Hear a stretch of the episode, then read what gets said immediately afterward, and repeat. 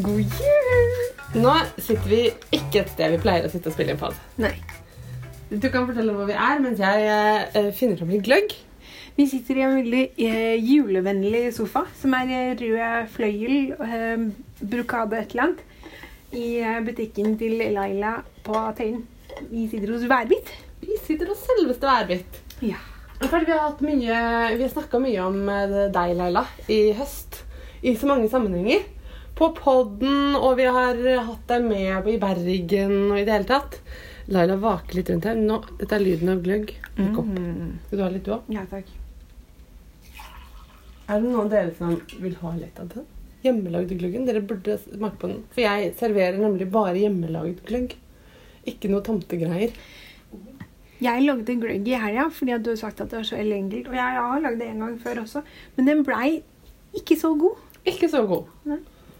Eh, Det som jeg har gjort med denne, som er eh, en sånn garanti for at den blir kjempegod, Ja. det er at jeg har hatt rødvin oppi, men jeg har kokt ut alkoholen, for jeg skal kjøre hjem etterpå. Så den er helt alkoholfri, men den smaker litt rødvin. Siste rest. Det er smart. Så genialt. Men ellers så er det krydder som er viktig. Ja. Det er jo mest saft, eplejus og kardemomme. Og kanelstang og nellikspiker. Så du brukte eplesaft, ja, for jeg brukte blåbærsaft. Eh, eplejus bruker jeg, Eplejus, og ja. blåbærsaft Ja. og solbærsaft. Og du må Åh. ha både blåbær og solbærsaft. Å ja. Ja, det er der den ligger, da. Mhm. Ja, men jeg skjønner at man, Den må, er jo, ganske grei, man, må, man må høre på de um, erfarne og kloke. Altså, det som jeg liker med den hjemmelagde gløggen, er at den ikke blir så søt. Ja, det er akkurat det. Jeg syns at tomtegløggen ofte blir litt sånn um, Som kokt cola, liksom. Mm. Skjønner du? Det var nydelig. Ja. Takk. Vi har også pepperkaker. Ja. Klementiner. Ja. Litt sjokolade. Og enda en ting som vi ikke har nevnt ennå. Vi har Vi har en gjest. en gjest. En vi plukka opp på hjørnet. Eller når jeg, skulle, når jeg var på vei hit, så traff jeg to damer som kom ut fra Værbitt. Eh, og det var jo Ingvild og Kristin fra Strikketerapi. Ja. Eh, YouTube-strikkepod. Og så sa jeg å, vi skal spille inn pod nå. Og så sa Ingvild ok, da er med. Så sa jeg ok, da. Hei, Ingvild. Hallo. Så da er vi fire i en garnbutikk. Nå har vi gløggslabberas, faktisk. Det er bra. Åh. Og jeg føler vi har spilt inn en lite ordinær podkast denne, dette- høsten, da. Ja, men vi har det. det er, vi, ja. Høstsemesteret flyr jo. Det vet alle som jobber i skolen eller eh, undervisning på noen som helst måte, at eh, høstsemesteret er eh, sinnssykt mye kortere enn vårsemesteret. Men man skal gjennom sånn omtrent det samme. Mm. Så det er liksom et halsbrekkende tempo hele veien. Og vi har jo hatt mye festival. ja. Altså For alle strikkere så er jo høsten ekstra travel fordi at det er festivalbonanza Ja. omtrent overalt. Så selv om ikke de er liksom sånn rett oppi hverandre sånn fra helg til helg, så er det Hvis man skal spille inn noe og forberede seg og reise litt, og sånn, så blir det jo ganske Det tar tid, altså. Ja. Men for det jeg tenkte vi skulle begynne med nå, var å på en måte recappe høsten litt. Ja. Og kanskje egentlig året. ja. Vi har, Når vi sitter og spiller inn her, så er det eh, mandag 11. desember, og vi har sluppet en pod i dag. Ja. Og den som vi spiller inn nå, jeg tenkte at vi skal få ut sånn når det er jul på ekte. Ja, og da, da. Var det litt varm? ja, det var mye på en gang. Ja. Du må passe på tunga. Mm. Det sa jeg litt seint. nå kommer den til å være sånn nummen, og du kommer ikke til å smake noen ting på flere dager. Men det var sånn, jeg fikk den langt baki, så det, jeg gurgla litt. Oh, ja. Det går bra. Bare, den er så god, så det er vanskelig å begrense det. ja. Mm. Ja, litt. Ja. Um, men altså Høsten. Ja. To festivaler. Først Bergen. ja. Åh. Elskede Bergen. Altså, Ikke bare elskede Bergen, men først og fremst da Bergen strikkefestival. Ja. Salhus. Fy søren, så gøy det var. Ja. Det er min favorittstrikkefestival. Dere var jo der begge to, Laila og Ingvild også. Mhm. Det var gøy. Ja, det var fantastisk. Og du var med på vår eh, talkshow som ble lagt ut på Facebook på, på siden. Eh, det var jo På siden, på siden. Ja, på Facebook-siden. den var litt på kanten, På faktisk. Oi, oi, oi. ja, det var forrige episode som het På kanten, Marte. Ja. Eh, Men det, Jeg, jeg Men den tåler episoden burde hett På siden. For den ble sidelengs da, fordi at eh, det var jeg som skulle ta opp um, um, Det var det var jeg som skulle streame. Og så, rett før jeg trykka på liksom send-knappen, så var det noen som sa Men du kan bare legge den på siden. Og jeg bare Kan man? Ja, sa personen hvis navn jeg ikke skal nevne. Så gjorde jeg det. Bare la den på siden. Og det kunne man ikke. For da blir bildet på siden. siden. Eh, Sånn at eh, jeg håper at alle som eh, ønska å se eh, talkshowet vårt fra Bergens Rikfestival, fikk tak i en iPad. Mhm. Sånn at de kunne legge seg på siden i sofaen og se på iPaden, f.eks. Det var en som la igjen bilde Var det deg, Laila? Nei, hun var jo på scenen. Ja, det Ja, OK. Det var en som satt og så på, som da rett og slett bare hadde tatt laptopen og liksom satt den i vinkel. Ikke noe problem, dette går bra. Ja, Vi er- har verdens beste lyttere. Ja, Vi Ja. legger nei, laptopen sidelengs på bordet for Ja. å se på direktesendt talkshow. Ja. Men det var uh, innmari morsomt, da. Ja. Og vi hadde med Hillesvåg gøy. og Ja. ja.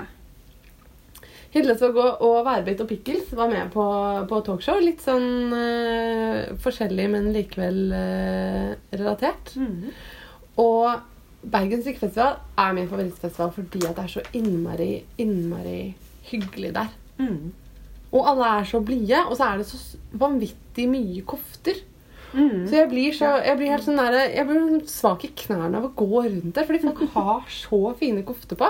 Og jeg er jo litt mer sånn der kofteorientert enn enn, eh, Jeg vet ikke, enn deg kanskje, Marte?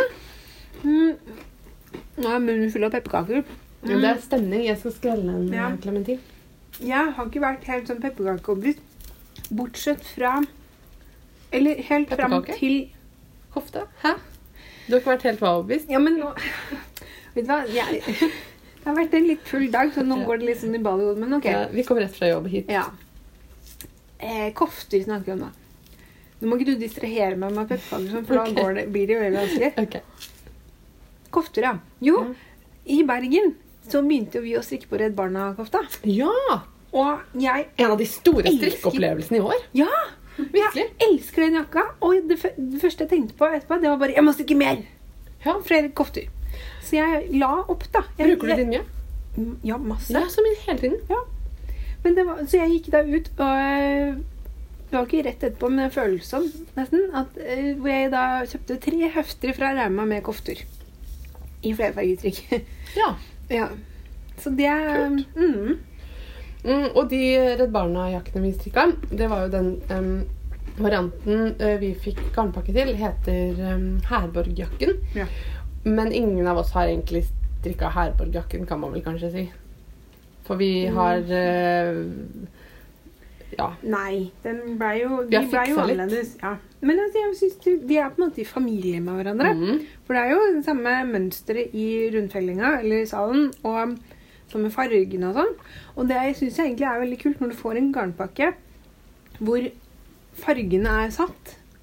Mm, Ganske mange faktorer er egentlig satt, og så kan man allikevel få så mye forskjellig ut av det ved bare å bytte litt om på ting og trikse litt. Ja, og gjøre det litt mer sånn som man vil ha det. Ja. For jeg var litt sånn, jeg ville ha noe, en trang kofte. Mm. Jeg ville ha en mer sånn cardigan-passform, liksom.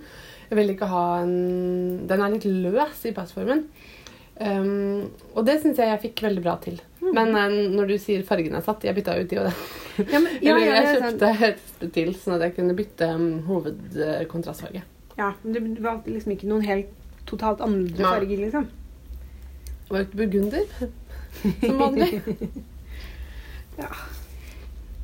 Men så kom Oslo strikkefestival. Mm. Ganske hakk i hælen. Ja. Det var um, mer hektisk, på en måte. Ja, var det egentlig? Jeg, ja, Kanskje fordi jeg var dårlig, veldig dårlig året før, så følte jeg nå at jeg liksom Jeg var uthvilt, og jeg var litt dårlig i Bergen nå. Ja, Mhm. men nå var jeg uthvilt, og jeg var fornøyd, og det var på Folkemuseet, og Og det var altså Så jeg hadde en fantastisk fest. At det. var på Folkemuseet, det var så fantastisk. Jeg håper de alltid skal være der. Ja. For det var så deilig, for det er så stort der. Ja. Så det var liksom, Selv om det var helt krisetrangt inne i markedshallen, så var det jo ikke det de andre stedene. Og det var Man kunne liksom gå rundt. Og så var det noen, to andre ting med festivalen òg. Jeg hadde flaks. Da jeg skulle på Markedshallen, så var det en halvtime før stengetid. Og da var det mm, jeg vil si halvtomt, kanskje. Og jeg fikk kjøpt kit fra Kit Couture Copenhagen. Og det var min store, store mål med helvestalen Jeg fikk det! Jeg har det hjemme! Det ligger en veldig pen boks og bare venter på at jeg skal begynne å strikke inn Tarsha-strikk. Det er så gøy. Jeg hadde aldri kjøpt det. Det, det. Mitt mål er liksom å bare unngå å måtte strikke et Intarsia-kit. Men den er Men jeg tenkte jo ikke på det da jeg kjøpte den. Det oppdaga jeg jo ikke før etterpå. Jeg, jeg ble, det, det var akkurat sånn som nå i sted med pepperkakene og koftepraten. At jeg spiste pepperkaker og tenkte på Da ble det bare pepperkaker. mm. Så jeg fikk på meg den genseren. For man kunne prøve på seg modellen. Sant? Så var det bare sånn genser, genser, genser, genser, genser oppi hodet. ja. Og uh, hva som da skulle til for å få til den genseren, det fantes ikke i min bevissthet. Nei, det, sånn kan jeg være også. Jeg tenker Det er det som gjør oss til såkalte um, produktstrikkere. Ja. Og ikke Ja. prosessstrikkere. Ja.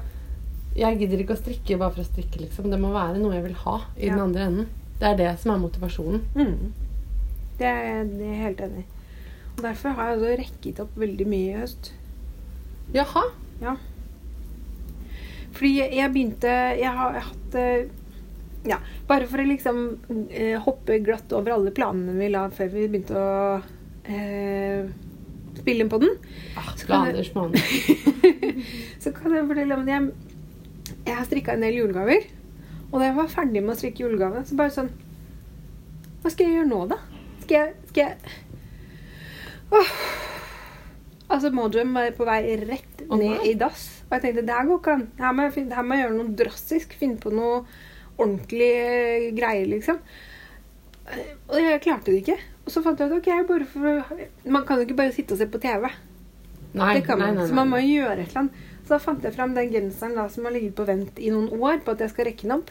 Fordi jeg ble aldri det, Ja, dette har jeg sett på Instagram. Ja, Og så rakk du den opp. så rakk jeg den opp. Og så tenkte jeg ok, dette her skal jeg strikke til en kokonggenser fra Pils. Og det blir kjempebra og kjempehyggelig. Det er bare at når du rekker opp garn som har vært strikka i en genser, og som har ligget i mange år, Mm. så må man gjøre noe med det igjen. For hvis ikke så Jeg neste tror gang man du vasker det helst skal liksom vaske hespa. ja, men, men greia, du må først lage det til hesper. Du må hespe det og vaske det, og så må du tørke det, og så må du må du nøste det. Ja. Ja. så nå har jeg jo 50 små nøster som da må hespes. Så bare «Åh, Det skjer jo ikke. Nei, det gjør jo ikke det. Og så begynte jeg å strikke på en så koften da fra reimeheftet. Og så bare Åh, den blir jo altfor stor. Ja. Så rekte jeg opp det. Og så nå har jeg da Er det det du sitter og strikker på nå? Ja. Veldig fint. Jeg er så fornøyd. Veldig raumask. Ja. Det er jo da faktisk Det må det jo være. Det høftet som jeg snakka om i forrige julepodden. For da gikk jeg ut og kjøpte både garnet og heftet til meg selv i julegave. Altså, jula i fjor spilte Ja. vi en pod, og da snakka du om raumaheftet som du ønska deg sånn. Ja. Og det er det du strikker fra nå? Ja. Det tok bare et år. Det tok bare et år, faktisk. Nei, men det er fint. Det er sånn sirkler sluttet-følelse. Mm. Men nå snakka vi om hva du strikker. Vi, jeg vil gjerne snakke om hva jeg strikker også, Ja. faktisk. Ja. Eh, fordi at um, i, da jeg fikk eh, garnpakken til Redd Barna-genseren, så var det mitt første møte med Sølje. Det tynneste pelshullgarnet til Hilsvåg.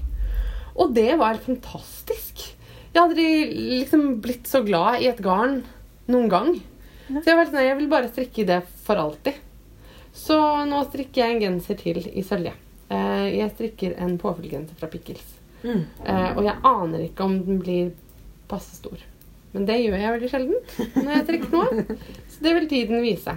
Eh, ikke hadde jeg tenkt å strikke genser av det heller. Jeg hadde tenkt å strikke sjal, så jeg kjøpte tre farger. Men så ville jeg ikke strikke sjal, jeg ville strikke genser. Så da la jeg opp til det isteden. Og så må jeg bare finne en måte å løse det at jeg har tre forskjellige farger på. Mm. Men det tenker jeg at eh, det, Jeg har taklet verre hinder før i mitt liv Ja. enn en trefarga genser. liksom. Men da kan du strikke bolen i blå, og så kan du strikke én arm i hver farge. Altså, det, jeg, jeg har ikke nok garn til det. Men jeg har eh, Jeg hadde en grå igjen etter, Ja. etter uh, Redd Barna-genseren. Så det har gjort at jeg strikka begge armene allerede i grått. Og genseren blir da eh, tredelt i farger, men jeg skal la overgangene bli sånn at de går over hverandre. Sånn at jeg strikker litt sånn småstripete når jeg bytter farge.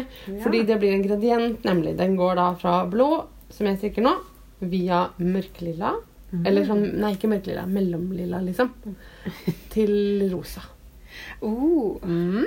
kult. Og den du har nå, det er jo den som jeg ville kalle jeansblå eller noe sånt. Ja, Den er helt fantastisk. Men alle blir jo litt sånn dyntaktige. Ja. si. Eller fordi de er jo farga på en grå garnbase. Ja. Så får de den derre Men den som er i hylla nest øverst der For vi sitter jo i en garnbutikk, så kan vi jo nytte nyttiggjøre oss av det. Den nederste rosafargen i den nest øverste hylla. Ja, nå har ikke jeg på meg brillene, Marte. Nei, men det er typ den rosafargen dette ender Ja, i. ja Aha. og den er så nydelig. Den er fin. Den har jeg også kjøpt. Ja. Tror jeg. Bare at jeg Eller jeg har den hjemme, ja. Men jeg har ikke noe Ja. Det må jeg også rekke opp. Hva, hva strikker du på, Laila? Kan du bli med? Fordi du strikker på noe som ser så utrolig fint ut. Åh, jeg stikker på noe som uh, blir helt fantastisk. Det er eh, Ja, jeg er en sånn som sitter på gjerdet da når det kommer Mystery Knits. Og så er jeg veldig begeistret for han er Steven West. Så når jeg så eh, disse Speck, ja, Speckle Pop eh, bli Pop. ferdig Poplenspekk var enda finere. Når de ble ferdige rundt omkring, og mange av dem var helt sånn fantastisk fine, så bestemte jeg meg for at ja, da kjører jeg på, og så strikker jeg det i mitt eget V0-garn. Så dette er eh, luksus. Mm. Det er fint. Kjempefint. Fantastiske farger og mye popple, spekk. popple Popple and speck. speck. Ja. Eh, Lilla og rosa og turkis eh, tenker jeg og hvitt. For de som da ikke ser, eh, sitter med et sånt sjal foran seg, så er det et sånn slags uh, chevron Ja, det er chevron det heter, ikke sant? Når det blir sånne I- spisser. Ja, altså et sånn sikksakk-mønster i lilla, det som Laila begynte på, lilla riller, og så er det noen hullrader innimellom, sånn at du får striper, og de er i noe gøyale farger. Masse forskjellig rart. Og så går det litt over i rosa etter hvert, og så ser det ut som det kommer litt sånn gult, gulaktig inn der også. Mm. Hva strikker du på da, Ingvild? Jeg strikker på en eh, jakke som er, eh, heter Solange. Så, å, den har jeg sett! Den er så kul fordi den er eh, fra Jeg tror de het Karin Veststrand, er designeren. Ja. Eller The Veststra Veststrand Sisters, kaller de seg. Og det er da en jakke. Det er også pelsullgarn. Men det er den tjukkere. Er det da Tinde. Tinde? Tinde. Mhm. I en sånn kjempefin blåfarge. Eh, Ja. Og det blir da en, ja, en kofte, på en måte, med eh, volang krage. Så det er nesten som en sånn slags klovnaktig, sirkusaktig utseende på. Så det tror jeg blir det sykeste jeg har lagd noen gang. Men Kult. jeg må bare prøve. Jeg må utfordre meg sjøl. Så det er den første kofta jeg skal klippe opp, da. Så det blir jo Ja da. Det blir null stress, skal jeg si deg. Fordi klipping er så lett som en plett. Ja. Uh, å, men jeg vil fortelle om reservestrikketøyet mitt som jeg har med meg også. Eh, I de tilfelle jeg ikke skulle klare å følge med på, um, på påfyllmønsteret i påfyllgenseren samtidig som jeg skravler, så har jeg med meg et reservestrikketøy. Og det har jeg ikke strikka så mye mer enn liksom 10 cm vrangbord på. Men det er uh, mamelukkene til Majas manufaktur.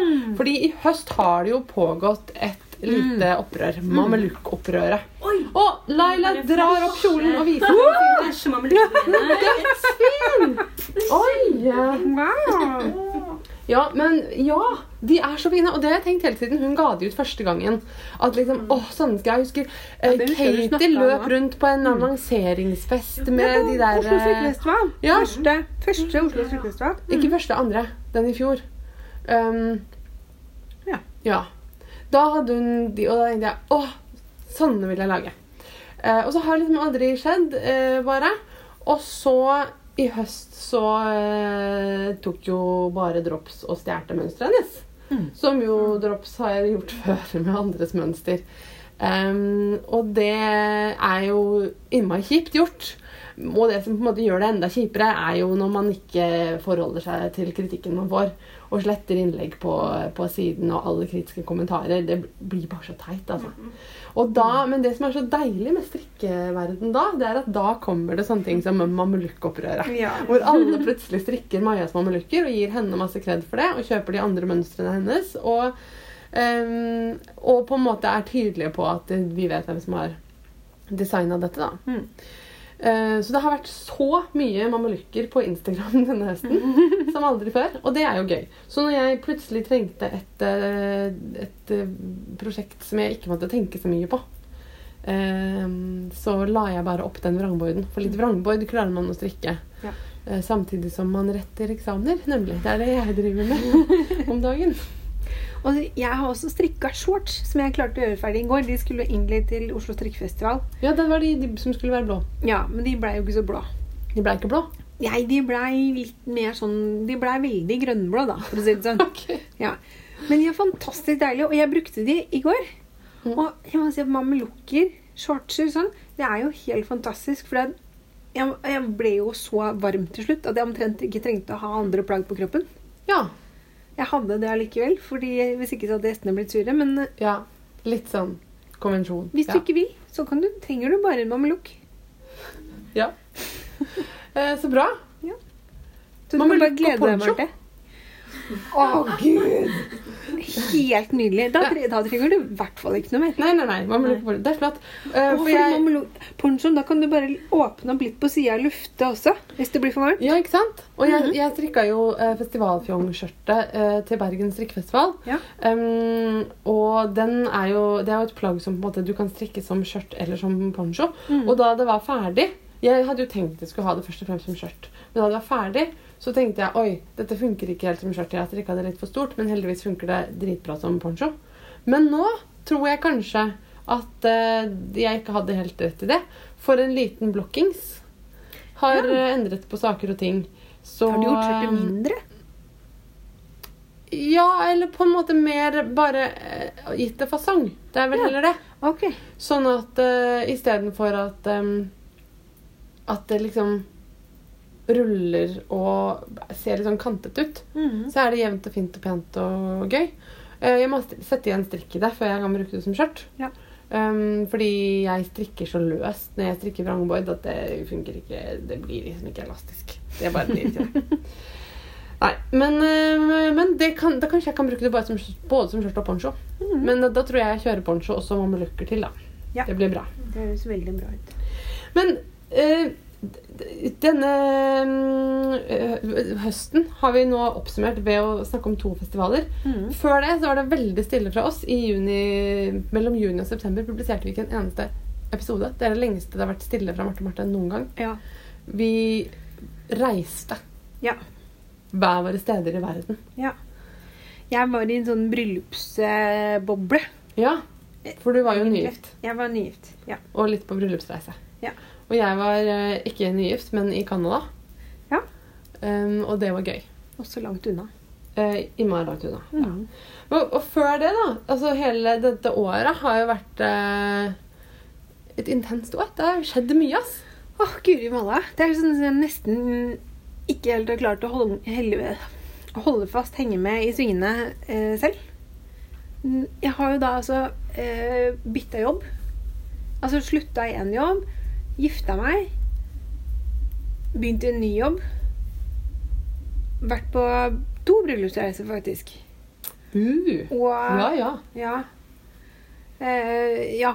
Så er det disse festivalene og masse sånn småting innimellom her og der og sånn. Ja. Mm. Jeg har uh, hatt crazy jobb på våren hvor jeg ikke egentlig uh, hadde en jobb. Så jeg jobba så mye eh, at jeg holdt på å stupe. sånn er det når man ikke har jobb. Da, eller jeg tror jeg liksom klarte til slutt å skaffe meg liksom omtrent 60% jobb. Derfor så jobba jeg sånn 120. 200, ja. Fy søren som jeg jobba. Um, bedre nå. Hatt uh, jobb på universitetet denne høsten her. Og så blir det mer uh, crazy jobbing etter jul.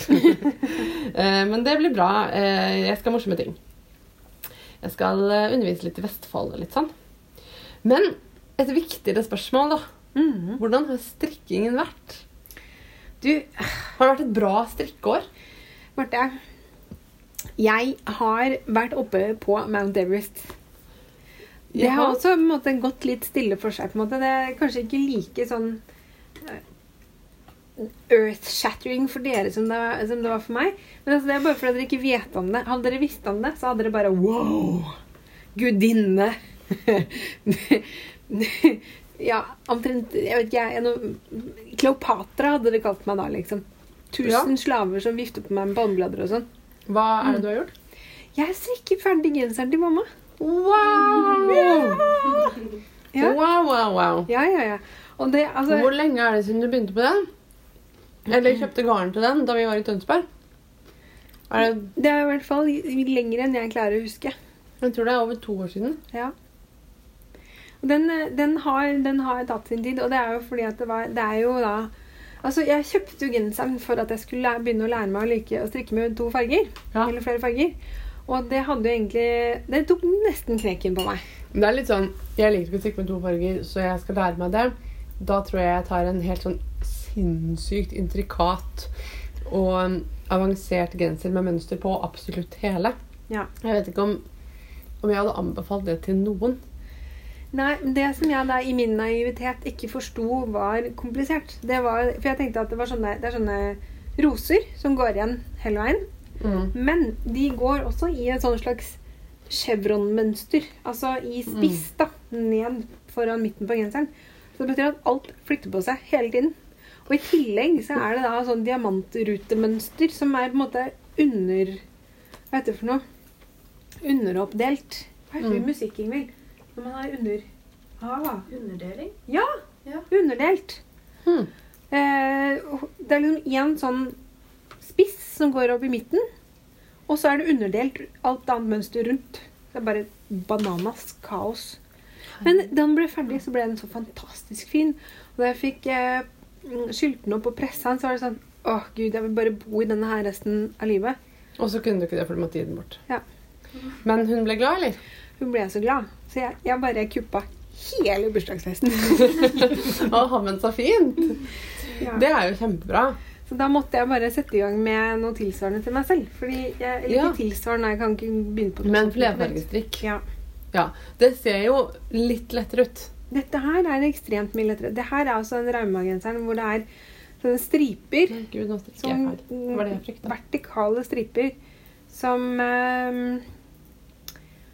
går over hele genseren. Og så er det, skifter de stripene farge i noen sånne felter oppover. Ja, den har jeg sett. Så den, det er veldig enkelt. Man må telle til tre og fire. Og det, eller, ja. Ja, men så på en måte bra, da. Fordi du har jo um, da begynt med det vanskeligste, liksom. Ja. Du lærte deg å spille liksom Mozart og Händel først, og så tar du Lisa til skolen etterpå. Ja, ikke sant? Så dette her det er jo bare ikke noe problem. Det som er litt utfordring her, som jeg heller ikke da skjønte før etter at jeg skulle, at det begynte å strikke, var at når man skifter farge, da må man strikke med tre farger en rad. Ja. Så det er på en måte en ny opplevelse nå. Men det er Det litt går helt da. Hvis det er én rad, liksom. Ha, ja, det er nettopp det er én rad, og jeg hater den ene raden intenst. Ja, okay. Og så neste raden etterpå, så bare sånn Haha, det ble to farger! Og så blir jeg superglad, og så glemmer jeg det helt neste gang. Ja, nettopp. Jeg har ikke besteget Mount Everest dette året, men jeg føler det har vært en sånn, eh, et bra strikkeår. Jeg føler jeg har liksom strikka ganske jevnt og trutt. I, I våres så var det litt sånn frustrerende, fordi jeg jobba skikkelig mye, og jeg følte at jeg ikke hadde noe strikketid, men veldig mye strikkelyst. Mm. Men eh, nå har det så bedra det seg lite grann etter hvert. Og så er det også noe med at jeg, jeg tror sånn Strikketid det er noe man må bare ta. Ja. Man må bare ta seg det, liksom. Så man må bare bestemme Ok, men da kan jeg ikke gjøre denne tingen jeg har tenkt å gjøre, fordi jeg skal faktisk strikke nå. Mm. Og hvis det er å støvsuge, så er det ingen som dør. Har jeg oppdaga. Altså hvis det du lar være å gjøre, er å støvsuge. Det er Nei. dumt å la, for la være å gjøre jobben sin, eh, som man får betalt for. Ja. Det må man kanskje prøve å unngå. Ja. Men eh, det er veldig mye annet i livet man bare kan la være å gjøre. Mm. Og så kan man si sånn eksempel Nei, jeg kan ikke bygge Lego nå, for jeg må strikke. Mm. Men jeg kan sitte og se på at du bygger Lego. Ja. Og noen ganger er det like bra. Ja. Men hvis man bare sier 'nei, jeg kan ikke bygge Lego nå', så blir barna sure. Hvis man sier 'jeg kan se på at du bygger Lego', og heie mens jeg strikker, så blir jeg litt fornøyd med det. Ja. Det har jeg oppdaga. Yes. Det må de bare være. Jeg har strikka eh, Noe av det kuleste jeg strikka denne høsten, det er eh, eh, min fjerde Altså, jeg har strikka et, et, etter mønster som jeg følger. Um, og jeg har fulgt det for fjerde gang. Fulgt òg? Ja, jeg har det! Og det er fjerde gang jeg strikker det, og fjerde gang jeg følger det. Til punkt og prikke. Yes. Det er, den heter Scatness Tam. Og det er en sånn uh, uh, flerfarge-hattlue. Mm. Sånn eh, Ja, en sånn tam shanty. Jo, men Marte, altså, det må du jo følge mønsteret, for hvis ikke så blir det jo ikke noe av det. liksom. Da Nei, blir det bare en blopp. Ok, da. Men jeg strikka én for noen år siden som ble kjempefin. Og så prøvde mamma den, og så var hun så innmari fin med den. Og hun er sånn som ikke kler noen luer. Hun ser ut som hun er tolv år når hun tar på seg lua. Eh, men virkelig som hun er 62 og bare tar på seg lue, så ser hun ut som en tolv år gammel gutt. eh, men hun så kjempefint til den lua, og så bare ga jeg den til henne med en gang. Da måtte jeg strikke en ny. Og den eh, gikk i sånn oransje-rød-gul-toner. Og så farga jeg Ja, den er kjempefin, men så farga jeg håret rosa. Og da funker det altså ikke helt Nei. med rosa hår og um, den, de fargene. Nei. Så uh, måtte jeg strikke en til svigermor, som syntes den var så fin. Mm -hmm. uh, og den strikka jeg til gjengjeld nesten to ganger, fordi at de fargene jeg hadde trengt å bruke, det ble helt feil. For det ble liksom Hun hadde bestilt eh, noen farger, og så hadde jeg fylt ut noe selv, og det, bare, det ble ganja, liksom. Det ble svart bunn med grønn, gul og rød. Og så så jeg bare Nei, her blir jeg nødt til å ha et stort marihuanablad over issen. Og det var liksom ikke det jeg hadde tenkt, da. Ikke til svigermor. Eh, nei, eller Ikke overhodet, um, så det, da måtte jeg rekke opp og bytte ut en farge. Den ble veldig fin til slutt. Og så tenkte jeg nei, vet du hva, jeg vil ha en sånn lue selv også. Fins de er så fine. Så nå har jeg strikka én i masse forskjellige gale rosa farger. Blant annet med glitter i. Uh. For jeg kjøpte jo glittergarn eh, Ja. på Bergen strikkefestival. Eh, helt håpløst selvfølgelig å kjøpe et tynt, tynt eh, garn med glitter i. Eh, jeg skal jo bare kjøpe norsk og bare kjøpe økologisk og sånn, og så går jeg og gjør sånn. Det føltes jo ikke helt eh, bra. Men det som føltes veldig bra, da, var eh, hvor glad barna mine ble for det jeg har strikka til dem Mm. i det. Eh, ja. Det er noen ganger Marte, man bare ikke helt har kontroll over seg selv. Som f.eks. da jeg var på Stoff og Stil i helga for å kjøpe voksduk, så var det kjempelang kø. Du trodde for å kjøpe boksduk, ja? Ja. ja, jeg, jeg gjorde det. Og det virkelig også fordi Drabby var med. Og han, har, han er så mann på handling, så han skal vi ha voksduk, så skal vi ha voksduk. Ja. Men så var det dessverre fryktelig lang kø til kassa. Og den gikk forbi Garnilla. Sånn kan det gå. Ja. Det var bra du hadde med han, da, for ellers hadde du kommet hjem uten voksduk. Men med masse, masse, masse garn. Jeg føler Det er sånn som skjer når man drar på Ikea. Man Ja. drar egentlig bare dit for å kjøpe sånne møbelknotter sånn til å ha under stolbeina, så det ikke skal lage riper i gulvet. Og så kommer man hjem med liksom masse sengetøy og greier og en ny stol og kommode kanskje og sånn, og har glemt møbelknotter. Det kan skje. den beste. Det kan skje den beste. Men nå er det jul. Ja! Hvor glad er eh, vi i jul? Vi elsker jul. Jeg tenkte på, på det eneste eh, forberedelsen jeg har gjort til denne podden i dag, er at jeg eh, tenkte litt i bilen. Og da tenkte jeg på at jeg syns at um, det er så begrensende at jul liksom skal Hvis man skal drive og se på jul som en Altså en temporalt avgrensa eh, et temporalt avgrensa konsept. Ja. Skjønner du? Ja. Altså at det er en periode. Jeg syns at jul er mer en slags stemning som man kan tappe inn i når som helst. Ja. Men i lunsjen på jobb i dag så var det en av mine kollegaer som fortalte hun hadde lest i Klassekampen i helgen. Altså da må det bli 10. desember eller noe sånt nå. Mm. At forskere, migreneforskere de hadde funnet noen overraskende resultater. eh, Og hadde funnet ut at Folk som liker jul, får mindre migrene. ja, fordi Fordi Er det sant? Er det sant? Jeg bare gjetter. jul ikke bare er en følelse eller liksom idé som kommer og går, men er en fysisk tilstand. Det liker jeg.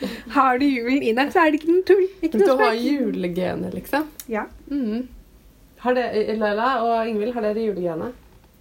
Jeg har litt migrene, dessverre. Så jeg er litt redd for at jeg ikke har det julegenet. ja, men man kan jo Liker dere jula, da? Gjør jo det. Liker førjulstida, jeg. Ja. Med alle forberedelsene. Så kommer jula, så bare Åh, jeg liker alt. Jeg liker alt, jeg liker begge deler. Alt. Og så blir, ja, men jeg blir sånn, det er så mange som klager over at jula begynner så tidlig. Og, og da, hvert år så begynner så sier folk sånn herre Jula begynner tidligere og tidligere hvert år. Da kan jeg bare si med en gang at det gjør den ikke. Julemarsipanen kommer i butikken i oktober, og det har den gjort i flere tiår. Det er sånn handelsstanden opererer. Jul, oktober. Ja. Um, og så tenker jeg at da, har man, da kan man velge, da. Om man vil på en måte fighte det, Mm. um, eller liksom se bort ifra det og sånn. Eller om man vil uh, omfavne det. For det det er. Fordi Ja. marsipan er jo først og fremst én ting. Himla godt. Ja. Så jeg blir så glad når julemarsipan kommer i butikken. Um, Tomine, min datter, tre år, eh, sendte ut julekort til alle i familien. Uh, første uka i november i år. eh, Arvelig belasta. Ja. Ja, miljøskadd, heter det kanskje. Ja, nei, jeg var også klar litt før Julemarsbanen kom. Da var jeg mentant til stede, på en måte. Ja.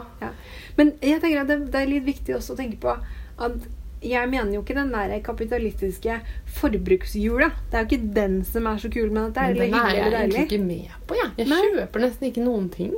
Sånn, fordi det som er slitsomt, er jo det der kjøpepresset. Nå er det julesalg og juleditten og juledatten, og alt det handler bare om å kjøpe, kjøpe, kjøpe, kjøpe, kjøpe mer. Plastikkdrit som ingen trenger eller Ja. har lyst på. eller noen ting. Det er jo ikke det. Det handler jo bare om kongerøkelse og mandariner og pepperkaker. Ja, og sitte hjemme og se på julefilmer i pysjen. Og, Strikke. og så er det Og kaldt ute. Og strikke og strikke og strikke. strikke og stearinlys og te, og julete og julekaffe. For meg så henger jul veldig, veldig tett sammen med strikking. Ja. Altså sånn, Og har alltid gjort det, egentlig. Sånn Mm. at det, eh, det å strikke er en sånn Jeg tror at hvis jeg f.eks. brakk armen rett Mm. før jul, så hadde det vært en sånn, et sånt hovedproblem med å få julestemning hvis jeg ikke kunne strikke. Nei. Mm. Men hvordan henger det sammen? For du strikker jo relativt mye resten av året òg. Har du da konstant julestemning? Vet du hva Nei, nei Nei, det har jeg vel ikke. Men jeg kan få en sånn, en sånn stemning av å strikke som ligner ganske mye på julestemning. Men jeg, som vi snakka om um, i forbindelse med Oslo Strikkfestival, så kan jeg også bli ganske aggressiv av å strikke.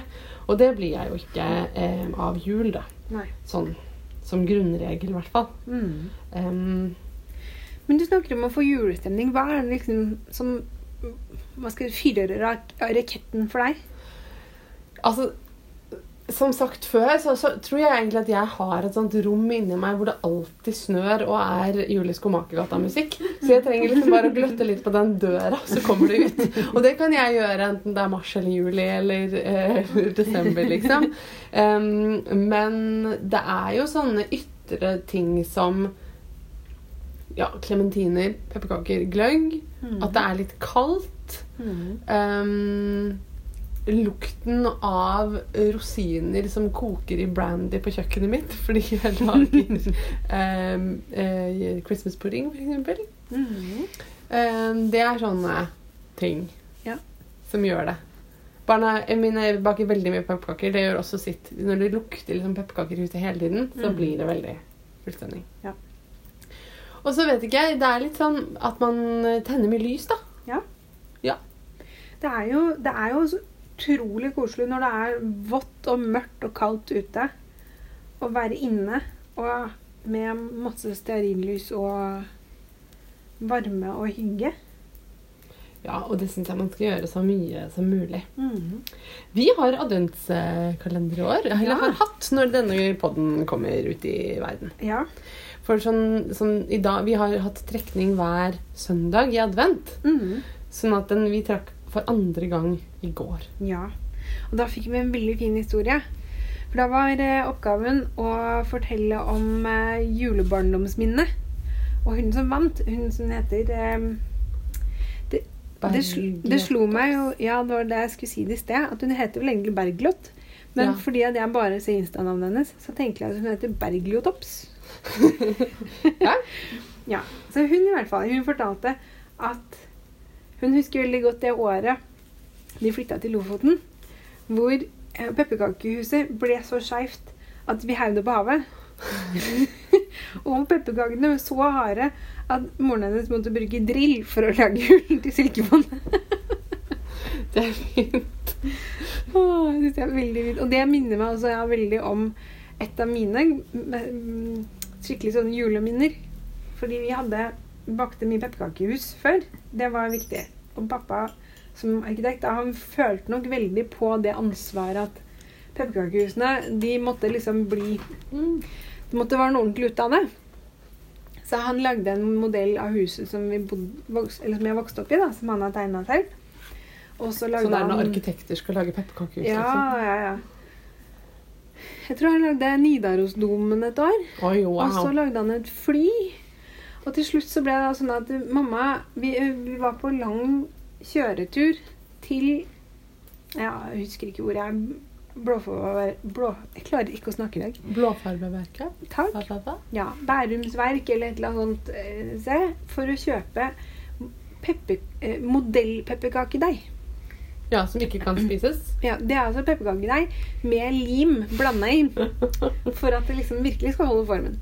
Og da pappa hadde kommet seg gjennom dette her flyet med en seigmann som hoppa ut i fallskjerm, da var mamma så lei at hun bare 'Nå er det nok med pepperkaker!' Og så var det helt grusomt, for vi hadde jo mange kilo av denne pepperkakedeigen. Så vi lagde jo hjerter og alt mulig sånn allikevel. Og jeg klarte jo ikke å la være å spise det, men det smakte jo Nei, lim, ja. drit. Mm. Ja, jeg husker fortsatt den smaken. Altså, utrolig skuffelsen. Bare se den utrolig fristende, perfekte pepperkaken foran deg.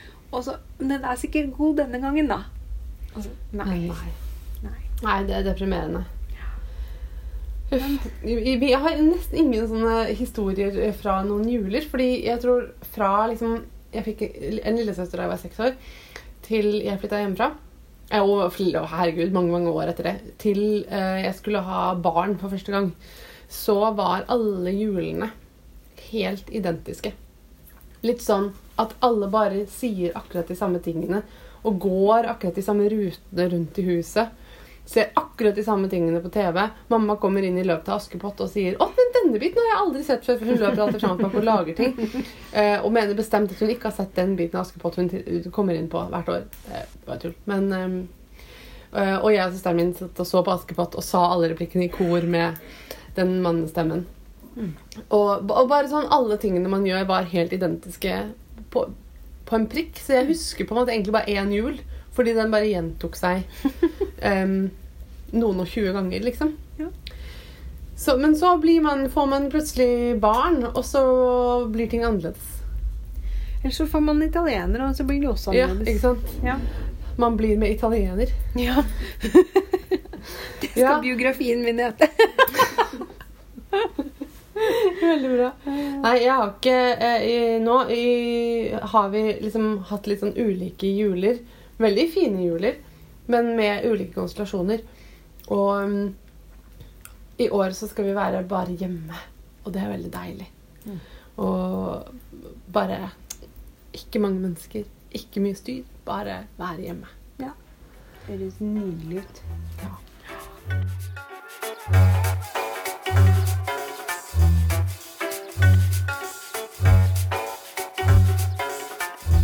Du Martha, du sa noe litt urovekkende i stad. Ja vel? At du hadde lagd masse julegaver. Ja! Du, det er jo festlig at du skulle si det.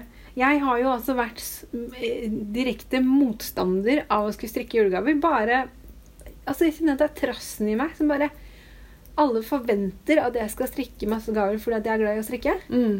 Så nei, det skal jeg i hvert fall ikke. Så det har jeg ikke gjort. Men i år så har det blitt til at jeg faktisk har strikka intet mindre enn fire julegaver. Og det er bare en måned etter Mount Everest. Oi, wow. Mm. Det er ekstremt imponerende. Ja, altså du, ja. Greia er det at jeg har slått meg på votter. Oh, men Ja. da må man jo til og med strikke to. Men du, altså er Strikker du til små mennesker? Kveld. Det begynte med at eh, pappa Jeg strikka og tova votter til han en gang for jeg vet ikke, 15 år siden. eller noe sånt nå.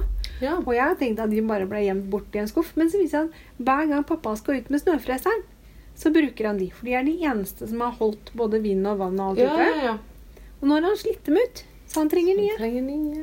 Perfekt. Og så var vi da på hytta i høst. Og så var vi ute på verdens ende. Og i suvenirbutikken, eh, fordi det åpna sånn eh,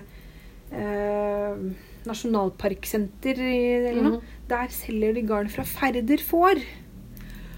Færder får Og det måtte jeg selvfølgelig kjøpe. Og Færder får er et fantastisk prosjekt. For det er um, Det er en lokal bonde som har eh, i samarbeid med noe Jeg vet ikke hva. Tjøme kommune eller noe sånt noe.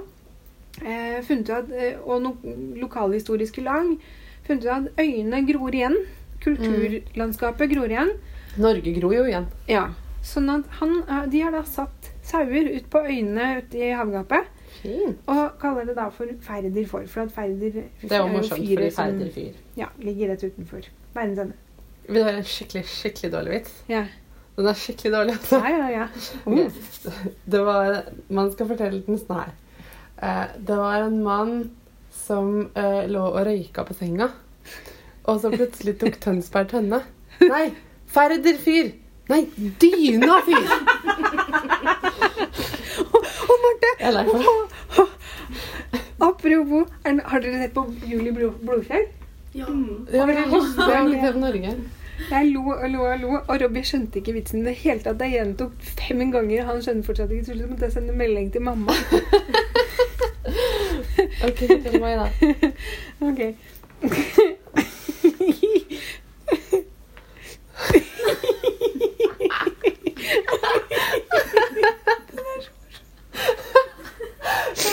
Det som er veldig gøy nå, er at sett hvor morsom den er. Så kommer den til å bli nedtur fordi du har så lættis.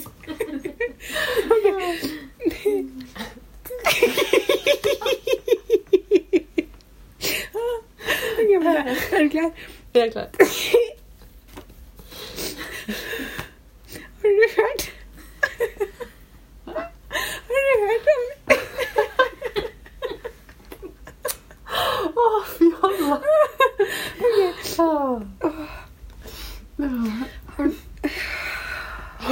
Foreløpig så har vi kommet så langt at vi har hørt Har du hørt? Ok, har du hørt om felgen som gikk til bekken for å bli rein? Herregud, så dårlig. For han hadde gjort i buksa. Det var dumt, buksa var rådyr. Det blir bare verre og verre. Ok, jeg skal bare si det på nytt. Altså, har du hørt om elgen som gikk til bekken for å bli rein for han hadde gjort i buksa? Og det var dumt, for den var rådyr.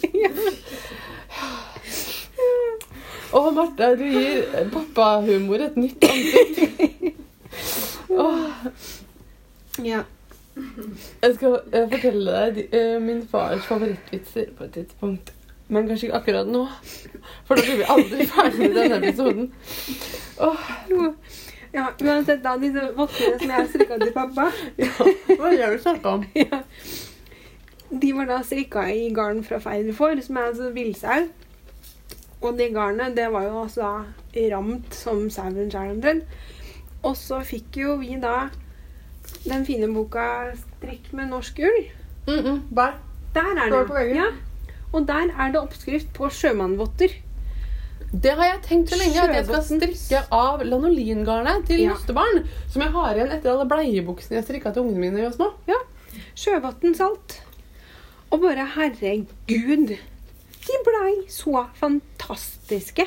Det var nesten så jeg ikke klarte å ta de av. Altså, jeg tova de Jeg strikka med dobbel tråd, og da blei de ganske store. Og så tova jeg de litt og litt forsiktig. I det sånn, vaskemaskin eller for hånd? I vaskemaskin. Og det jeg gjorde først, så, øh, så tova jeg de på mm, 30 grader kortprogram. Og da blei de bare litt tettere, liksom. Og helt fluffy! Hmm. Og så tok jeg de en gang til. Ja, først med grønnsåpe, og så en gang til med en gang. Uten, da var det fortsatt litt grønnsopp igjen. Og da blei de bare litt tettere, men ikke særlig mer. Og så tok jeg det en gang til. Og da ble de fine. Også på 30? Jeg tror det. Ja, men lurt. Og de, de Ja, det er typisk da liksom vært sånn Dette funker jo ikke, 60 grader. Og så hadde jeg fått liksom to små sitteunderlag. Ja, men altså det garnet var så fantastisk. Det måtte man bare være forsiktig med, liksom. For det, det, det er jo bare Jeg følte som at jeg hadde en skatt i enden liksom. Og så er det sånn at man strikker inn en hullrad her i mansjetten til eh, tråd for å knytte. Og jeg bare Teit, jeg gidder ikke å gjøre det, liksom. Men jeg strikka hullraden likevel. Men så tvinna jeg eh, tråd og tredde inn der av finull. Og når du da knyter de De sitter som bare i rakkeren, altså. Så bra. Ikke søren om de faller av. Men du, så har du strikka enda flere votter til andre folk? Ja, og så eh, begynte jeg da da vi var på hyttetur, faktisk, å strikke en gratisoppskrift fra Pearl Soho som heter Arts Gutted Mittens. Som jeg syns er veldig kule, fordi at de har Du vet når man strikker tommelkilen, så kan man gjøre det på, Bare rive ned ting. Ja. på flere forskjellige måter. At du kan bare sette av noen masker eh, i en rad, og så fortsette på de etterpå, så du får en tommel sånn på sida av den tuben du strikker, liksom. Ja. Eller så kan du legge ut litt masker til en kile, sånn så du får tommelen litt ut på sida som er mer sånn anatomisk. Eller så kan du gjøre det enda mer anatomisk. At du legger ut masker litt sånn som i den der linja man har i tommelen. I, i, inni Mm. håndflata, liksom. I en sånn buet form omtrent. Og det er det du gjør i den Ja. gassett-greia? Og det blir Det ser innmari kult ut, og de sitter fantastisk godt på. Og så fant jeg ut at jeg ville strikke de mm, litt ekstra lange, sånn at de liksom sitter litt godt på. For at det, på dem så er det ikke noe ribbekant, så jeg la til det. Og så strikka jeg da i pelshaug-ull fra Helgum gård. Og det blir sikkert kjempedeilig. Ja, de ble helt fantastiske. Og så fant jeg siden jeg da strikka votter til pappa, så måtte mamma nesten også få de sånne votter. Og så øh, hadde jeg da en del garn igjen fra strikka de sjøvott- øh, sjøvottene. Og så satt Robbie med dem på. Han bare 'Er de til meg?' Og så sa jeg nei, og så så han ut som en dengt valp. Så bare OK, han må få han òg. Ja. Så da strikka jeg et par til til han av denne Pearl Soho-oppskriften. Med enkeltråd. Og det ble jo perfekt, da. Så det har jeg fått av to hesper av den derre eh, feiderulla, så har jeg fått to svære mannevotter. Jøss, så bra. Ja. Det er kortreist eh, julegave, får man si. Og så har jeg strikket en eh, bjellegenser fra Pickles til Lille Pernille. Oh, og du har en du òg, Ja. så dere kan matche. ja. Det er fint. Ja. Kjempefint. Jeg har ikke strikka en eneste julegave. Kommer ikke til å gjøre det heller. Men jeg hadde liksom kanskje tenkt å strikke en genser til Anne, som jeg har liksom lovt henne ganske lenge. Men så bare skjønte jeg at jeg, jeg gidder ikke å ha det som en sånn pressgreie at jeg må gjøre det før jul. Så jeg har nøsta opp garnet, og det ligger der. Og kanskje jeg stikker den til henne i jula. Men jeg lager én julepresang i år. Men det kan jeg ikke snakke om. Nei. For den må være hemmelig. Uh, og den er ikke strikket, men den er i en annen tekstilteknikk, kan Oi. man si. Oi. Nå må jeg passe på ikke si noe mer, fordi jeg er eh, i min familie kjent for hun som ikke kan la være å røpe gaver. Etter den gangen jeg holdt en pakke fram til Anna og sa 'Det er en kopp!' Eh, og det var en kopp. Ja. Eh, og jeg mente ikke å si at det var en kopp. Det bare kom ut. Men det er Eh, sånn som jeg Ja. gleder meg sånn. Så har jeg mye å si om den koppen, eksempel. Så, da, ja. så hver gang jeg gir noen gave nå, eh, så sier de 'Er det en kopp?' Men det er sånn ja. svigerfar gjør. Og han sier 'Vær så god, her er det skjerf'. Og så sier jeg men jeg vil ikke vite hva det er før jeg pakker det opp. Jeg skal jo pakke det opp nå. Ja. Kan du vente to sekunder, liksom? Nei, jeg skjønner det godt. Det er veldig vanskelig. Ja, men jeg tror ikke det. For han, han, han er jo verdens mest seriøse mann. Å, ja. Ja. Det er ikke sånn at han sitter der og hopper av glede og venter på at du skal åpne opp skjerfpakken. Nei, det tror jeg ikke. Jeg syns ikke påfuglfjærene mine ser ut som uh, påfuglfjær. Men de er riktige. Jeg gjør sånn som det står. Det ser litt mer åpent ut, kanskje. Det er bare det at jeg strikker så løst. Men sånn er Men jeg altså, bare. det der garnet, når du vasker det, så Så flaffer det seg noe vanvittig. Det gjør det. For det er jo det beste garnet i verden. Mm. Jeg mener seriøst, hvis jeg aldri kunne strikke noe annet garn igjen, men uh, kunne strikke ubegrensa med, med pelsull, Ja. så hadde det vært uh, helt greit. Mm. Det er Trenger ikke noe annet. Nei. helt enig. Helt enig. Helt fantastisk. Um, en juleting eh, som jeg føler vi må snakke om, som har med kalenderen vår å gjøre også, det er konseptet julegenser. Å ja. Uh, I forrige juleepisode hadde vi sånn derre Hot or not eller noe sånt. Ja. Heit eller teit heter, det jo når vi gjør det. ja. Uh, og da hadde vi julegensere. Nei. Men uh, julegenser, heit eller teit, Marte? Jeg er veldig jeg, jeg har tenkt at det er teit. Og så fikk vi tilsendt denne her julegenserboka. Som var premie den første advent i kalenderen vår. Det var Yes. derfor det hadde med den å gjøre. Ja. Det glemte jeg å si. Eh, og jeg bladde gjennom og tenkte Søren, den hadde vært kul. Og den hadde vært kul. Og den hadde vært kul. Den hadde vært gøyal. Ja. Og så mm, fikk jeg lyst til å strikke flere av dem. De, Wow. de, men det er, det er Altså Greia er at noen av dem var sånn bare ensfarga bunn med juletrær på. Ja.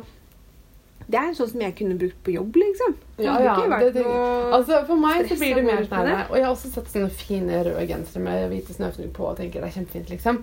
Men nå tenker jeg på de skikkelig skikkelig tacky julegenserne med oh, ja, Rudolf corny. og nese som henger ute og sånn. Ja, nei. Nei. Og for meg så blir det litt sånn herre Jeg syns det er litt gøy. Men det blir en catch 22 fordi at for at jeg skal for, Altså, de fine julegenserne de blir jo ikke teite nok til å være sånn teit julegenser. Så da er det jo ikke morsomt. Men hvis det skal være så morsomt og ironisk, da gidder jeg jo ikke å bruke liksom 40 timer på å strikke en genser som bare er morsom og ironisk en gang i året. Nei. Det, altså, vi, hadde, vi hadde, var på en sånn eh, morsom julegenserfest for et par år siden eller noe. Det har jeg hørt at finnes for sånn Ja. siviliserte mennesker som ikke har små, snørrete, lave mennesker de passer på. Barn. Ja. ja. Eh, og da eh, fant jeg ut at eh, det man kan gjøre, er egentlig bare ha masse pongponger på genseren i forskjellige farger. Eller bare strikke en dottergenser sånn som du har strikka. Ja. Men sånn som henger der Ja. på veggen hos Værbit. Og den er så pen. Jeg sitter og sett på den hele tiden nå. Den er kjempekul, for den, har bare, den er hvit og har hvite dotter, og så har den en og annen dott i en annen farge. Ja. Har du strikka den sjøl? Nei, den er det Elise som har strikka til meg, så jeg føler meg veldig heldig. Og det er ikke dotter, det er eh, popkorn. Det er popkorn. Mm. Of course. Ja, fordi, men jeg tenker også at man kunne da på en måte dratt den enda lenger. Man trenger jo ikke å altså Skal du først ha masse fargede klumper på deg, så trenger du ikke å være små. De kan jo være en slik ordentlig dusk, liksom. Mhm. Men hva med den røde genseren med perler som du har? Den kan Ja. også funke, liksom. Ja. ja, man kan jo strikke inn perler òg. Man kan jo ha litt sånn eh, velvalgte farger, på en måte. Mhm. At man går for litt forskjellige Altså en mer sånn tradisjonell fargekombo, liksom. Ja. Kunne man gjort. Hun eh, Amanda i Rett avgitt, hun har en veldig morsom en. Ja. Hvor det står I have a machine gun, ho, ho, ho. Ja. Som vel er en Die Hard-referanse. Ja, jeg tror det. Ja. Og den er veldig morsom. Men jeg tenker, den syns jeg også er veldig kul. Og hvis jeg da skulle brukt så mye tid og energi på å strikke flerfargestrikk for tull til meg selv, så hadde det måttet vært fordi at den var litt kul også. Ja. Eh, ikke bare jeg Men man kan jo være sykt kul i hele desember, da. Jeg vurderer Ja, det, jeg også. Ja, men, men, Men jeg vil ikke ha sånn hatt Den må ikke være stygg. Den må være fin. Ja, det er det. Ja. Altså, man kunne ikke hatt liksom sånn der stygt reinsdyr på forsida. Nei, eller sånn to reinsdyr som har seg, kan man også ha. Nei, det Ja. Det blir liksom feil teit, syns jeg. Eller ja. Nei, jeg er ikke helt der. Nei, ikke jeg heller. Men eh, hvor er vi, da? Hva skal du strikke i jula? Har du et juleprosjekt? Jeg, jeg lurer på om det, det blir denne genseren her. Ja, den med nå? Arma... Ja, Nå er jeg på første armen. den, den lyseste fargen er litt sånn her Den er litt sånn sprø. Jeg klarer ikke å bestemme hva den er. Skjønner du? Den Er den, steinersk, det. ja, for den er liksom ikke lilla, men ikke rød og ikke grå. Men en av de tingene. Den, ja, den er liksom brun. altså den er sånn lilla-beige. Skjønner? Ja. Det var derfor jeg likte den så godt, da. Fordi at jeg tenkte at uh, den er liksom Jeg ville ha en nøytral bunnfarge, men ikke hvit eller beige eller grå eller noe sånt. Og den er på en måte litt sånn uggenlilla. Mm. Som Ja, litt uggen, altså. Ja. Og så syns jeg den funker veldig bra Leverpostei Nei! Ja, Røb med rødbeter. ja, kanskje det. Men jeg, synes, jeg, jeg er veldig fornøyd med den. Og så kom jeg hjem og visste jeg at jeg hadde en jakke til. I den fargen. Så det var jo Og den andre burgunderfargen her, den har det jo ingenting. Oi, vent litt nå. Du har jo akkurat den fargen på deg. Og kanskje egentlig nesten alt du har i skapet ditt hjemme, og så er den burgunderfargen. Ja, ja, ja. Altså, man liker det man liker. Man gjør det. Hva skal man si? Sånn er det. Ja. Um, jeg skal strikke i jula um, denne uh, påfyllgenseren ferdig. Og så har jeg jo denne ferdig oppnøsta som skal bli en uh, hettegenser til Anne. Ja, for det skal bli en hettejakke med glidelås. Gli. Ja! Aldri prøvd før, må prøve. Ja, ja. Klippe opp og sy glidelås. Ja, ja, jeg hadde en idé om at jeg skulle gjøre det, så jeg herma etter en sånn gammel skigenser som pappa hadde, som var Mm. veldig veldig fin. Som jeg tror farmor hadde kjøpt på Færøyene da de var der. Som er på en måte hvit i bunnen med mørkebrun og ø, lysebrun øh, mønster. Så jeg kopierte det mønsteret, og så strikk, altså sydde jeg en glidelås. Men den blei jo pølsetrang, og så blei selvfølgelig den der glidelåskanten mye lenger enn selve genseren. Ja. Og så ble den ene sida mye lengre enn den Jeg tenker at jeg ikke trenger å ha glidelås hele veien opp. At jeg heller vil ha kortere glidelås enn genser. hvis du skjønner hva jeg mener. Ja, V-hals, liksom. Ja, ja, fordi den skal fortsette opp i hette. Ja. Skjønner jeg? Ja, Mm. skjønner. skjønner. Og så er det ikke lommer i oppskriften, men eh, det er det en annen dame som har laga og skrevet hvordan hun lagde, og de ble veldig kule, så jeg tenkte å bare gjøre det. Ja. Yeah, yeah. Det kommer sikkert til å bli bra, Marte. Jeg tror det blir fint, ja. Og så har jeg bestemt, Marte. Oi. Jeg har bestemt okay. at 2018 blir Regn. Hæ? Eller elg. Eller, Det skjønte jeg ikke. Bæ. eller hjort. Nei. Eller rådyr. 2018 blir kofteåret. Ja. Nå skal jeg strikke kofter. Ja. Mhm. Ja. Jeg skal strikke kofter til meg. Ja. Ikke til noen andre. Bra. Er det lov? Støtter deg. Fullstendig. Jeg trenger en gul og grå kofte med sånne små stjerner. Sånne selvbustjerneroser, liksom. Åtteplanroser. På Mhm. hele. Ja. Eh, liksom ikke bare her på rundfellinga, men på hele greia. Mm. Og eh, sånn som jeg liker. I sydde armer. Mm. Bare strikketube, strikke tube, Klipp, klipp, sy, sy. Mm. Um, og jeg tenker at eh, det blir kjempegøy. Mm. Og jeg skal strikke alt sammen i ask fra Hillesvåg. Beste koftegarnet. Og det har jeg lært av Renate. Ja. For hun strikker veldig fine kofter i ask. Mm. Og en av de koftene eh, Eller jeg sa eh, gul og grå. Ja. En annen som jeg drømmer om. Men jeg må spørre Renate først. da Jeg har ikke spurt henne ennå. Jeg kan spørre henne nå på lufta. Mm. Det er kanskje dårlig gjort, fordi da kanskje hun føler at hun ikke kan si nei. Renate, du kan si nei. Kan jeg please, please, please, please få lov til å kopiere dødninghodekofta som du har? Den er så sykt fin, og jeg vil strikke en helt lik, bare i svart og rosa istedenfor svart og grå. Ja. Så det, det har jeg veldig lyst til. Hva skal du strikke neste år? Ah, jeg har lyst til Nå, nå akkurat Altså, ja. Nå så har jeg bare lyst til å strikke sånne gensere som den jeg holder på med nå. Som er typ flerfargestrikk, men grafisk mønster. Ikke sånn den der tradisjonelle koftegreia. Bare fordi jeg kan. Men eh, kjenner jeg meg selv rett, så finner jeg på et eller annet annet neste uke, og så har jeg glemt det. Men jeg har jo Ja, så jeg vet ikke helt. Altså Jeg har Jo, jeg har fortsatt garn hjemme fra, som jeg fikk i gave da jeg slutta i den forrige jobben. Og det, oh, noe av det er Det er det som ble til den uh, Vertices Unite. Nei, det var jo bruddbuketten. Det var bruddbuketten. Ja. Og det var jo finull. Og så fikk jeg jo da en sånn Jeg trodde jeg fikk en sånn derre eh, Hva er det de kaller for noe? Bleiekake eller noe? Bortsett fra at det var samme størrelse, en sånn en svær, kjempeskjær kurv med cellofan utenpå. Men så var det garnnøster. Ja. Wow. Eller hesper. Så Så fikk jeg masse pelsull fra Hillesvåg. Å, herregud! Ja. Og det begynte jeg å strikke gensere av, som jeg ikke ble fornøyd med, så det må jeg rekke opp. Og så fikk jeg fra Sjølingstad ullvarefabrikk, som jeg ikke visste hva var for noe, men som også er på en måte Ja, kjempekult. dødskult. Og dit, Marte, kjære deg, vil jeg at vi skal dra.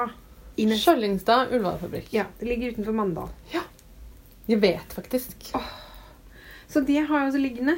Så jeg tenker at jeg må strikke av dette her. Kanskje rett og slett 2018 skal bli liksom mitt sånn Sånn som du Jeg tror du sa det forrige julepod.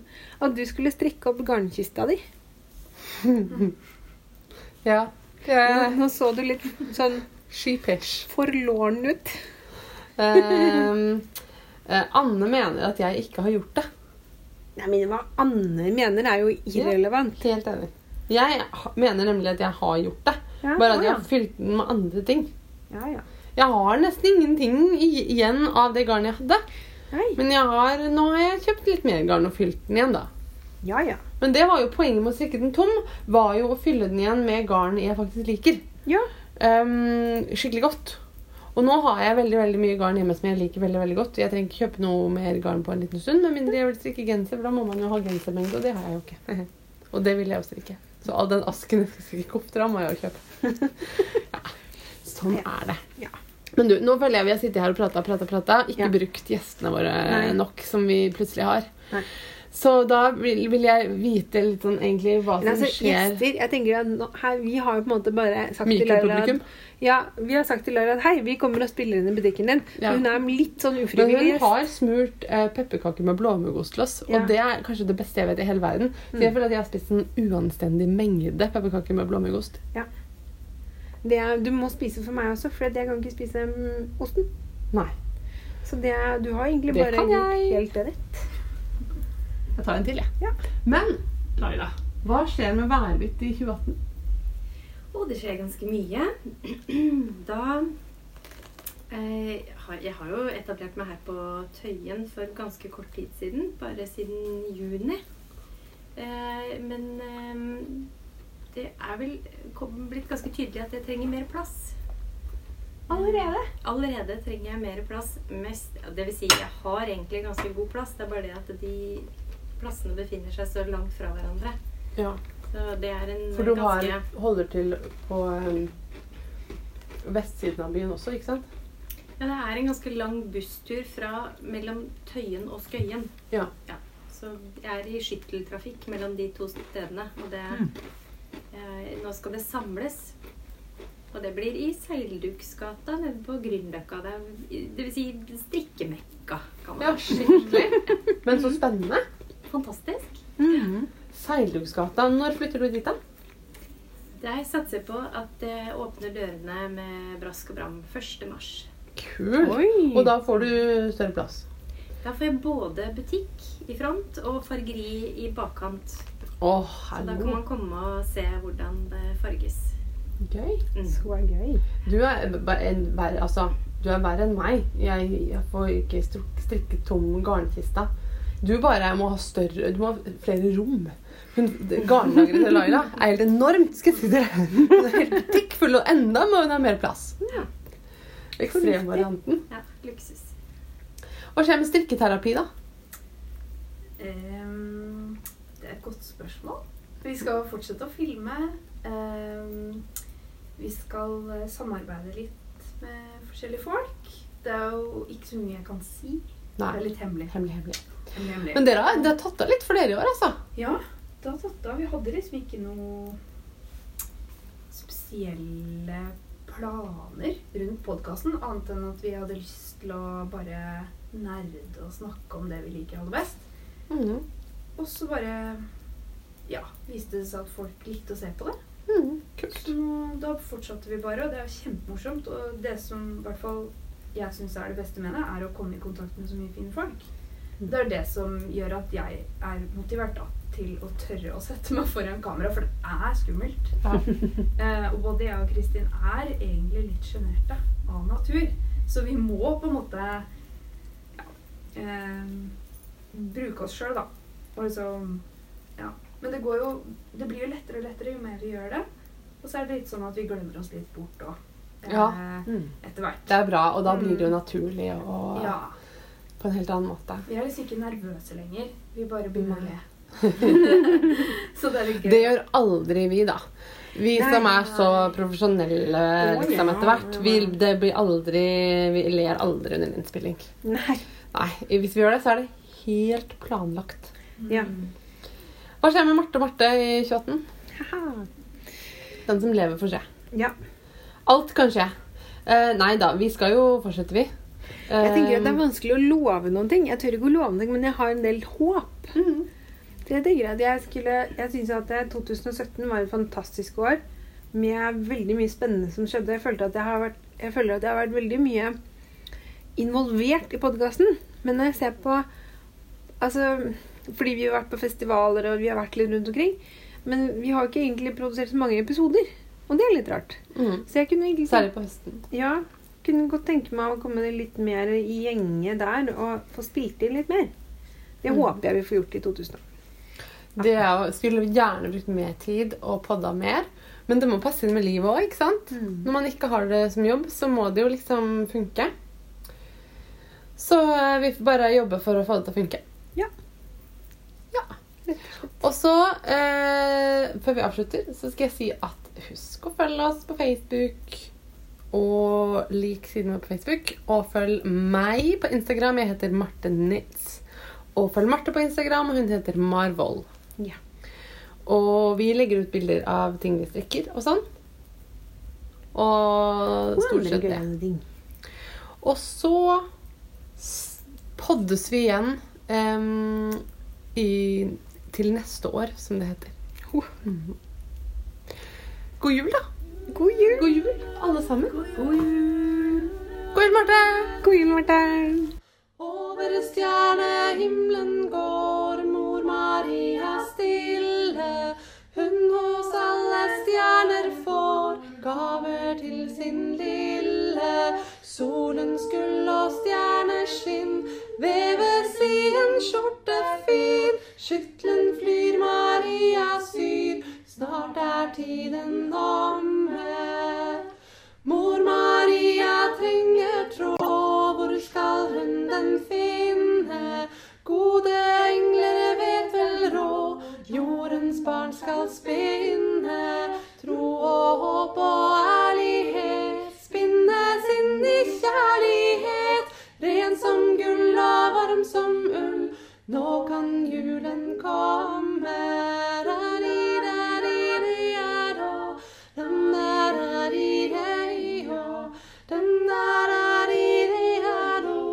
Den der er i